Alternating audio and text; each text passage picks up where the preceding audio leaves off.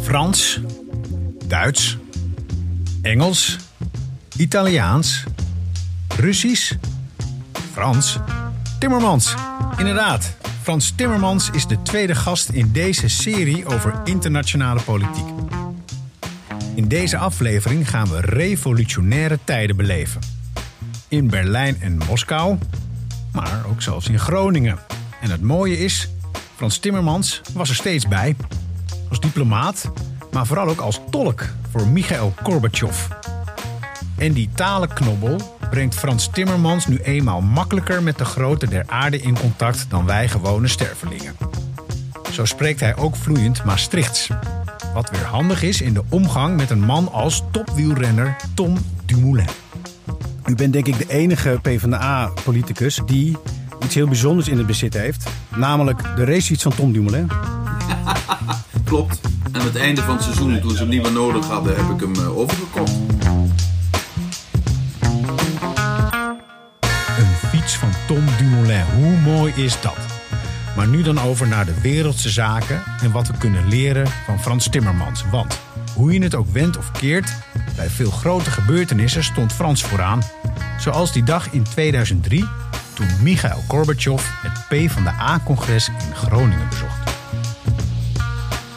Ja, Wouter Bos heeft mij gevraagd om, uh, om te tolken. Uh, ik had al uh, regelmatig voor Gorbachev getolkt.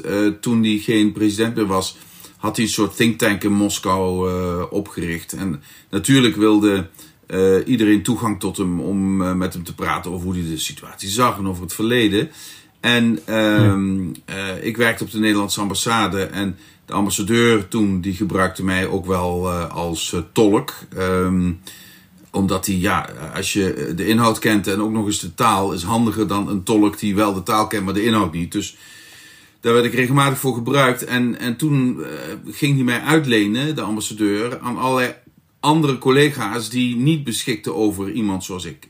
dus ja. Uh, ik, had, ik, ik, ging mee met de Nieuw-Zeelandse ambassadeur, uh, uh, met de Oostenrijkse ambassadeur, met nog een hele reeks andere ambassadeurs die ook een afspraak kregen met Gorbachev. Dus ik heb dezelfde, of min of meer dezelfde gesprekken, nou toch zeker wel, nou zeker een tiental keer, als het niet meer is, moeten tolken. Dus toen hij naar Groningen kwam, want Kunt u ons meenemen naar dat moment, die dag daar? Um, uh, redelijk kort geleden natuurlijk. Gorbachev al, al, al wat ouder en niet meer de wereldleider. Hoe kreeg de PvdA dat voor elkaar? Nou, hij was uitgenodigd uh, door uh, de directeur van het Groningen Museum. Daar, daarvoor kwam hij naar Groningen. En toen heeft Wouter Bos hem eigenlijk een beetje weggekaapt. Uh, tot uh, woede overigens van de directeur van het Groningen Museum. Ja. Maar, maar de, reden, de reden was dat hij wilde komen, was dat hij bezig was met de vorming en oprichting van een politieke partij. Waarvan hij vond dat hij thuis hoorde in de sociaal-democratische familie. Um, en dus vond hij het boeiend om bij ons op het congres te komen. Want Ziet u Gorbachev ook als een sociaal-democraat? Nou, kijk, uh, ik, ik, heb, ik heb, omdat ik in Rusland heb uh, gewerkt en, en op dit vlak in Rusland heb gewerkt, heb ik veel minder de enorme uh, fascinatie en bewondering voor Gorbachev dan veel mensen uh, in het Westen hebben. Ik zit daar iets meer op een, op een Russische lijn, waarbij ik ook wel enige kritiek op hem heb. Ik vind overigens dat vervolgens de kritiek in Rusland is doorgeschoten, want hij heeft ook uh, goede dingen uh, gedaan. Maar wat, ik, wat, ik, wat je hem toch wel kunt verwijten is dat hij. Ik heb dat overigens ook wel eens in een, in een artikel in 93 in de krant geschreven, de Volkskrant geschreven. Wat je, hem kan verwijten is dat hij dacht dat je het communisme kon hervormen. Dat, hij dacht dat je een communistisch systeem met vrijheid kon combineren. Dus hij wilde een soort eigen sociaaldemocratie introduceren, maar dan zonder vrijheid. Ja, dat gaat dus niet. Uh, dat gaat dus niet. Je kan, je kan niet een, een, een vanuit de overheid compleet geleid uh, systeem hebben en vervolgens zeggen: en uh, mensen, jullie zijn ook vrij. Ja, dan willen die mensen die vrijheid ook. en ook de vrijheid om tegen jou te zijn. Um, en, en daar, ik denk dat hij die, die omslag niet heeft kunnen maken. Hij dacht uiteindelijk dat het systeem te redden was door het te hervormen. En dat is denk ik een fundamentele denkfout. Ja, en de geschiedenis uh, ja, heeft bewezen dat, dat, dat het inderdaad niet goed is afgelopen wat dat betreft. Uh, zeker niet als je, als je beschouwt en bedenkt wat hij van plan was. Maar toen de tijd, ik wil nog even naar 2003, daarna gaan we verder terug in de tijd. Toen kwam hij dus naar Groningen en toen moest u tolken. En ik, ik heb nog even foto's bekeken van het congres. Ik, Wouter Bos met een grootste grijns van links naar rechts. Um, maar um, u moest tolken. Waar, waar, ging dat over? Wat, wat moest u tolken?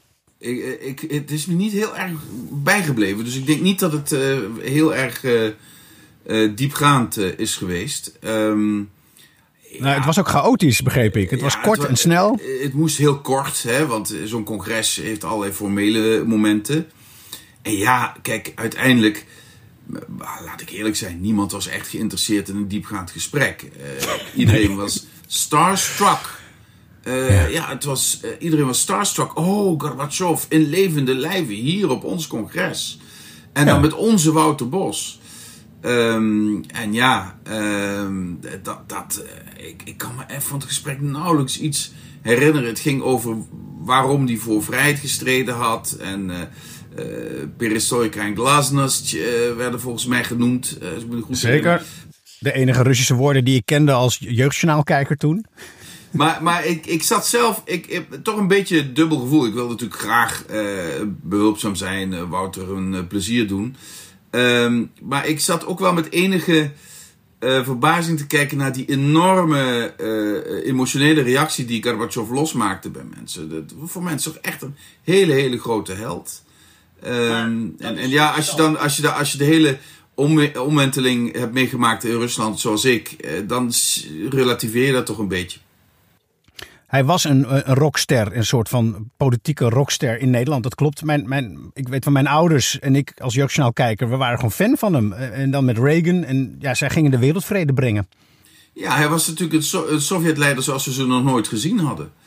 Uh, en, en hij heeft ook, ik denk dat, dat hij een aantal hele moedige dingen heeft gedaan. Met name het loslaten van de Europese deling en het en het meewerken aan de Vereniging van Duitsland, dat is toch echt iets, iets, iets fenomenaals wat hij gedaan heeft. Fenomenaals uh, wat hij gedaan heeft. Uh, en daar kan je hem alleen maar uh, voor bewonderen. En dat doe ik dan ook. Um, daarnaast heeft hij, ehm, nogmaals, omdat hij dacht het communisme te kunnen hervormen, heeft hij veel te veel toegegeven aan de reactionaire krachten. En, en, dat heeft uiteindelijk geleid tot de staatsgreep in 1991. Um, en bovendien, hij was, hij was toen al erg, erg uh, weinig populair hoor bij de, bij de Russische bevolking. Alleen wij in Nederland zagen dat allemaal niet. We gaan terug in de tijd, dankzij u. U noemde 91. Toen, toen werd hij, uh, terwijl hij op vakantie was, of hij zat in zijn, in zijn vakantiehuis, uh, ja, werd hij, werd hij uh, eigenlijk weggezet door de koep. U was toen in Rusland, u werkte daar toen. U was een jonge diplomaat? Ja, klopt. Ik werkte op de Nederlandse ambassade in Moskou en ik moest de binnenlandse politiek volgen. Uh, ja. Overigens heel interessant. Um, Maarten van Tra als Kamerlid, uh, die zorgde ervoor dat er meer geld kwam voor activiteiten in, in, in Oost-Europa. dat deed hij, denk ik, dat is een motie geweest, ik neem aan in 1989 of zo, rond de omwenteling. En de ministerie van Buitenlandse Zaken, een van de re resultaten van die motie was het ministerie van Buitenlandse Zaken uh, het personeelsbestand in Moskou uitbreidde met iemand die ook de binnenlandse politiek uh, ging volgen. En uh, nou ja, ik, ik werd daarvoor in aanmerking gebracht. omdat er was iets misgegaan met een baan die mij was beloofd die niet doorging. Ze zaten een beetje, ik was een beetje overtollig. op dat moment. En toen zei nou ja, je, hebt, je spreekt Russisch, je hebt de militaire dienst Russisch geleerd. Ga jij maar die nieuwe post vervullen. Dus zo is dat gegaan. Ja. Dankzij uh, PvdA-collega Van Tra. En, en een grote vriend. Uh, Maarten is een hele grote vriend van mij geworden in de, in de jaren. Ja. ja. Nou, de PvdA speelt wat dat betreft een, een, een, een, een rol op het wereldtoneel. Hoe dan ook, want daar gebeurde die koep. Um, toen moest hij ook tolken, alweer, voor Gorbachev. Of was dat de eerste keer? Um, dat was denk ik de eerste keer, want Nederland had het voorzitterschap. Uh, van ja, uh, de Europese Unie, de Europese uh, gemeenschap toen nog.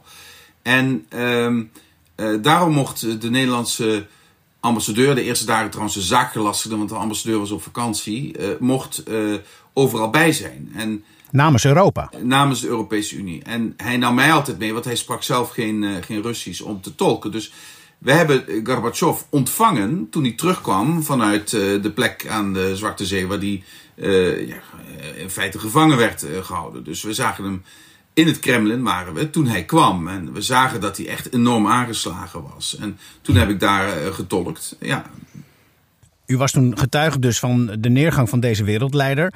En nu gaan we nog verder terug in de tijd, want er komen in 89 de val van de muur. Waar was u? Want dat is altijd een mooie vraag. Waar was u toen de muur viel? Nou, ik, ik ben toen wel. eh, ik had toen een, eh, een hele oude. eh, van mijn moeder was die geweest. De Toyota Starlet. Ik weet niet of u dat nog wat eh, zegt.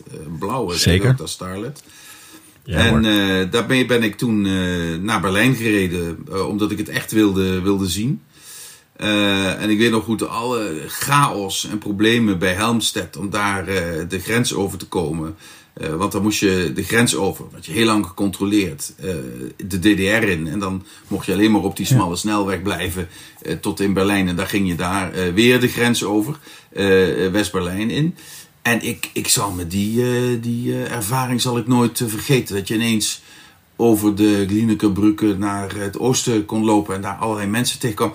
En, en het, het, het interessante was dat, ja, je herkende ze meteen. Er was toen nog, nu zie je dat helemaal niet meer. Er was toen echt gewoon onderscheid tussen Aussies en Wessies. Hè. De, de mannen allemaal in van die fake leren jasjes. eh, eh, met van die goedkope eh, schoenen waarvan je zag dat ze bijna uit elkaar vielen. Ze roken allemaal naar diezelfde Oost-Europese tabak die ze rookten. Vrouwen heel vaak met van dat eh, peroxide eh, haar. eh, Ja, en, en wat ze wilden was bier met ons drinken. Maar wij moesten dan het bier leveren, want dat hadden ze niet. En ik vond dat geweldig. Ik vond het geweldig. Ik zal dit nooit dan- vergeten. nee, dus u zat daar middenin. En als die Oost-Duitsers, Oost- Oost-Berlijners dan terugkeken, dan, wat zagen ze dan? Wat, wat voor soort timmermans was dat? Ja. Met zijn starlet? Ja, gewoon, gewoon, gewoon een jonge vent uit, uit Nederland die ehm, eh, wilde ervaren wat daar gebeurde. Eh, veel meer was er niet aan de hand hoor. Ehm, ja, weet je, ik, ik heb dat ook bij die, bij die staatsgrepen in de 90 in, in Moskou meegemaakt. Ook daar. Je, je, je weet dat er iets gebeurt. Je hebt Ja. het, het gevoel dat het iets historisch is.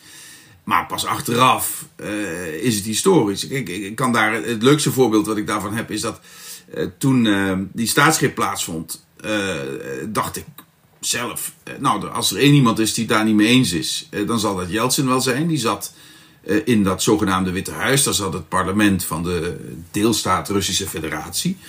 Dus daar ben ik ochtends op die, op die 19 augustus. het was trouwens heel stil in de stad. Er stonden gewoon mensen op de bus te wachten. Niemand deed moeilijk. Die 19 augustus ochtends naartoe gereden. Gewoon tot aan de voordeur in mijn eh, Volkswagen Jetta. En ehm, eh, daar eh, aangebeld, geklopt op de deur. En na een tijdje werd er open gedaan. Wat kom je doen? Ja, ze even vragen hoe zien jullie wat er gebeurt? Nou, er is nog niemand. Kom maar even, kom later terug. Dus ik ben gewoon bij de deur blijven staan. En, Terwijl de koep al bezig was. en, en toen, ja, toen mochten we naar binnen. En Jeltsin zou een verklaring doen. Nou, de theaterzaal, daar hebben ze een theaterzaal in dat Witte Huis. Gingen we binnen, maar er was toch bijna niemand. Er was een Koreaanse diplomaat, en verder helemaal niemand. Ehm, en, en hij zou die verklaring voorlezen. Nou, die zaal die was eh, zeer, zeer matig gevuld. Dus hij leest die verklaring voor waarin hij zegt... dit is een staatsgreep en ik verzet me er tegen.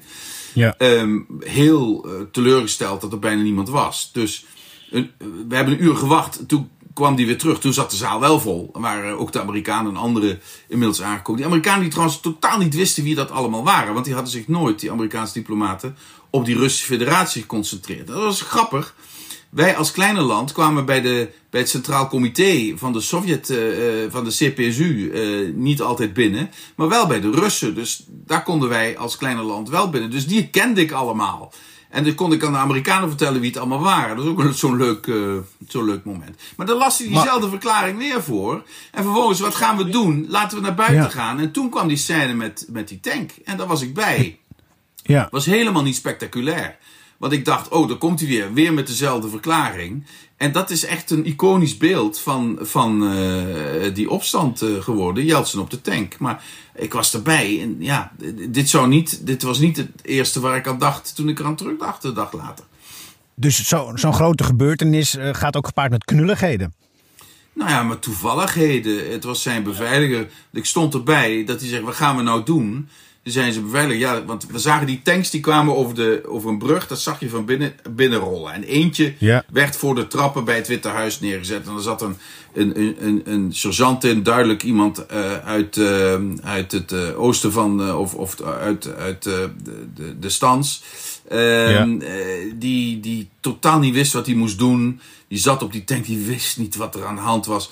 En toen zijn we na- naar buiten gelopen. Want, eh, want zijn beveiliger zei tegen eh, Jadsen, eh, zullen we eens buiten gaan kijken? Nou, met dat papier in zijn hand naar buiten gelopen. Eh, toen hebben ze hem op die tank eh, eh, getild. Die heeft hij die, die soldaat ook nog een, een hand gegeven die helemaal niet wist wat. En toen is hij maar weer die verklaring eh, voor gaan lezen. En er stond, nou, er stonden helemaal niet zoveel mensen bij. Maar de mensen die erbij stonden, die zeiden: Boris Nikolaevich, wat moeten we doen? Wat wil je van ons? Ja. Wat moeten we doen? En zijn antwoord Ja. daarop was die verklaring.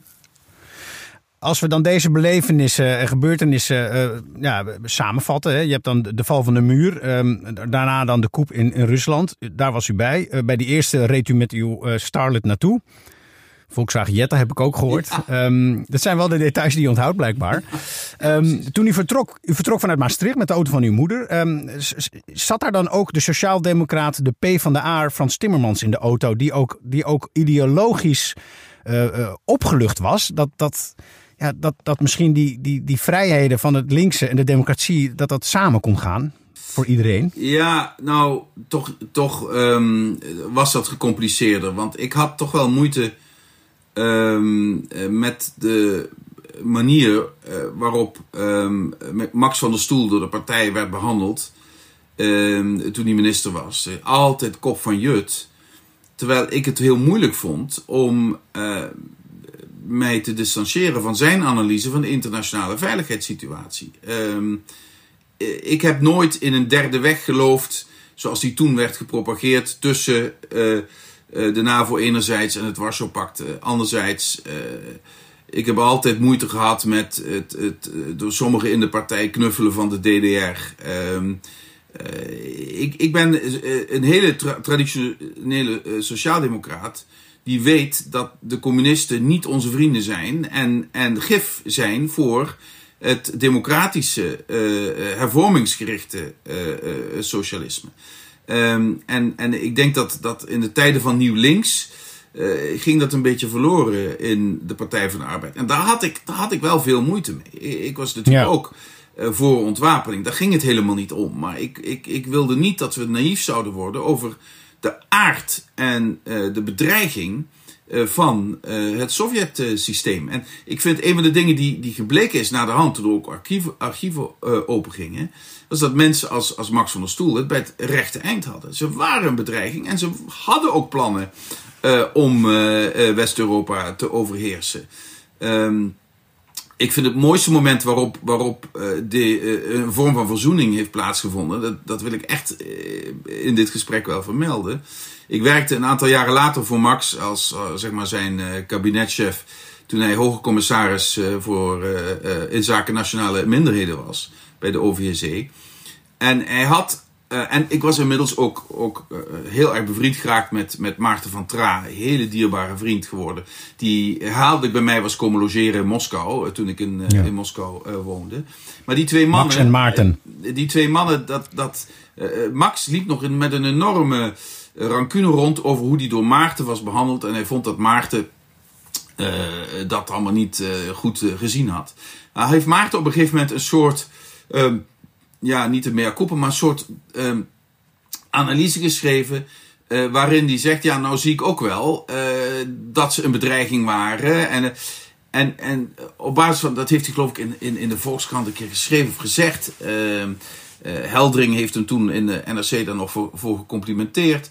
En dat was voor mij een, een gelegenheid om tegen eh, Max te zeggen: Misschien is het goed als, als, als jullie eens met elkaar praten. En eh, toen heb ik dat gesprek georganiseerd op het kantoor van Max. En ik heb daarbij gezeten, totaal. ik was muisstil, gefascineerd.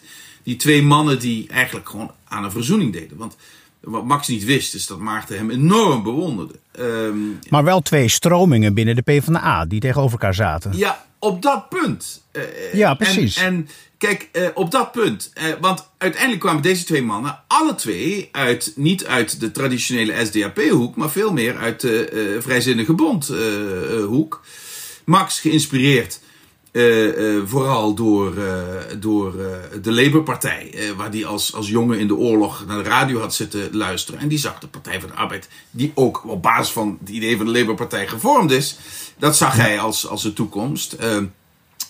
Maarten veel meer geïnspireerd zeg maar, door de jaren 60 beweging. maar ja, inderdaad twee, twee stromingen.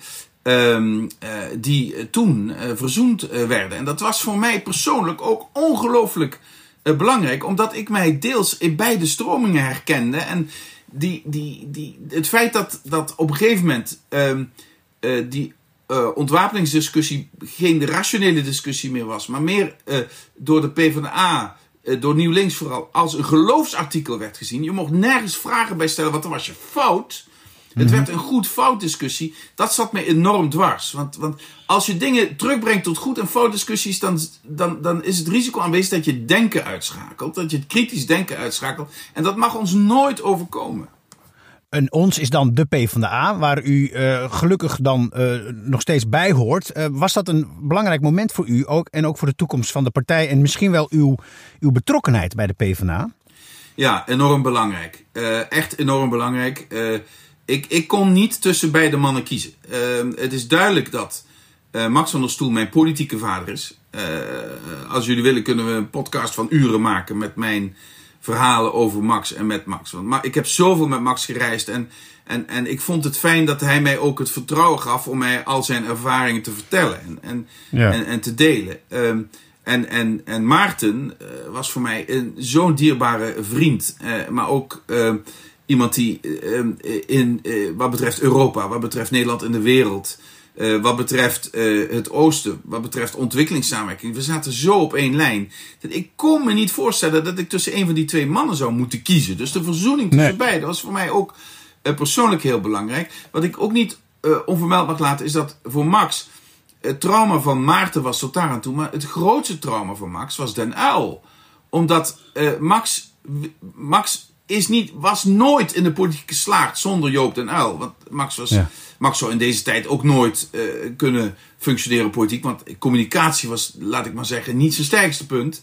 Uh, uh, zeker niet in, in een mediatijdperk. Maar inhoudelijk was deze man briljant. En, en, en, en ik wil zeggen, vooral moreel is deze man een baken.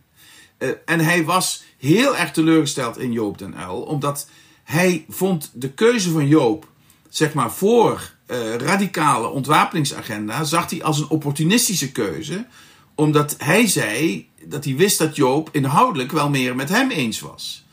Uh, maar ik, je hebt momenten in de politiek ja. uh, waarbij zeg maar, de golf van maatschappelijke verontwaardiging zo groot is en, en, en aan jouw kant staat, dat, je dat, dat, dat, dat je dan ervoor kunt kiezen om met die golf mee te gaan en hem dan om te buigen. En dat is wat Joop den Uil deed. Achteraf bezien eh, snap ik dat goed en vind ik het ook absoluut de juiste keuze van Joop. Maar ik kan me voorstellen dat voor iemand als Max van der Stoel, die eigenlijk sinds, sinds eh, de jaren, eind van de jaren 40 met Joop den Uil was opgetrokken en eigenlijk door Joop den Uil uh, gemaakt is, dat, dat, dat dat voor hem heel moeilijk was.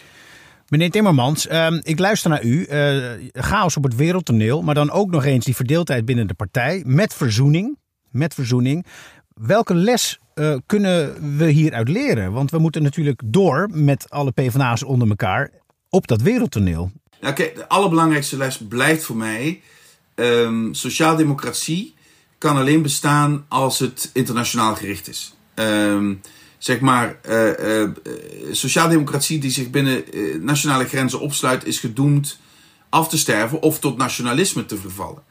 Um, en dat, dat is nooit verstandig geweest. Maar in deze tijd, waarbij de grote wereldproblemen alleen nog maar op wereldschaal kunnen worden opgelost, waarbij de actoren de omvang van continenten moeten hebben, heeft, heeft je opsluiten achter wat Maarten noemde de waterlinie totaal geen enkele zin meer. En natuurlijk zijn er nadelen bij het internationaal opereren, maar die wegen eh, niet op tegen de enorme voordelen van de handelingsbekwaamheid die het je geeft om de wereld vorm te geven.